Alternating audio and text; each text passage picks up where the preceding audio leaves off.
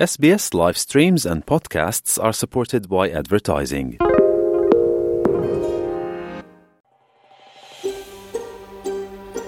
Вие сте со SPS на Македонски. Слушнете повеќе прилози на sps.com.au козацрта Macedonian. Следува локална тема во врска со вештините за пливање кај малите деца.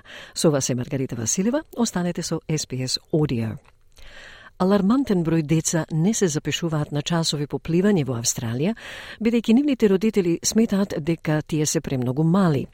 Извештајот исто така открива дека меѓу причините што ги спречува родителите да ги носат децата на базен се трошоците за часови по пливање. Нова кампања има за цел да ги врати децата испод 5 години во локалните базени.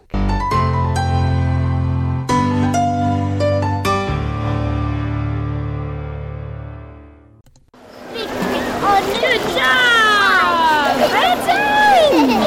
And all the way back. Четиригодишните близначки Чейс и Синтија немаат недостиг од ентузијазам во оваа школа за пливање во Мелбурн. Тие се дел од важна група кои се трудат да учат како да пливаат.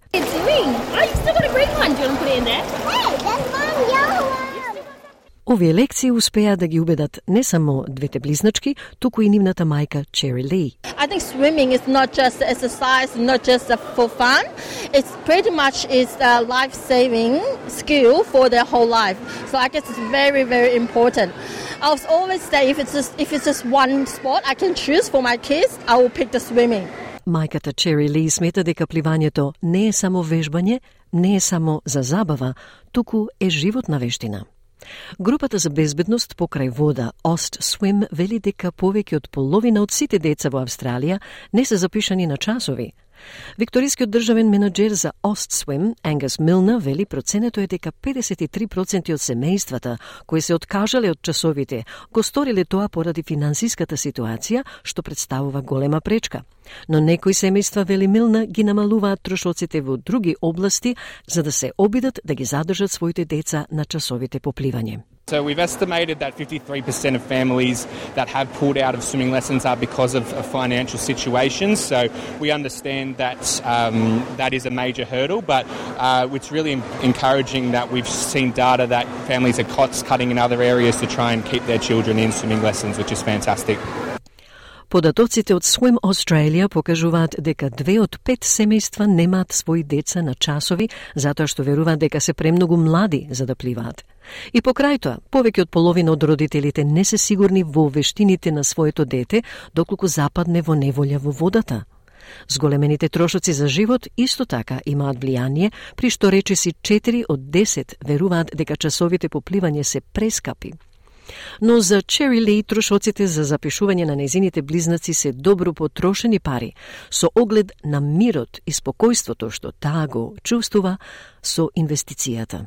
Таа вели дека на помладите им е полесно да ја изградат самодовербата во водата, да се запознаат со водата и да го намалат стравот од водата, бидејќи кога ќе пораснат, тоа станува малку потешко. Younger age, is actually easier for them to build up the confidence with the water, get, get familiar with the water, and reduce the fears of water as well. Because when you grow up, you might think too much and you might be a little bit difficulty for you to get familiar with the water and you, it takes longer for you to build the confidence to get inside the water.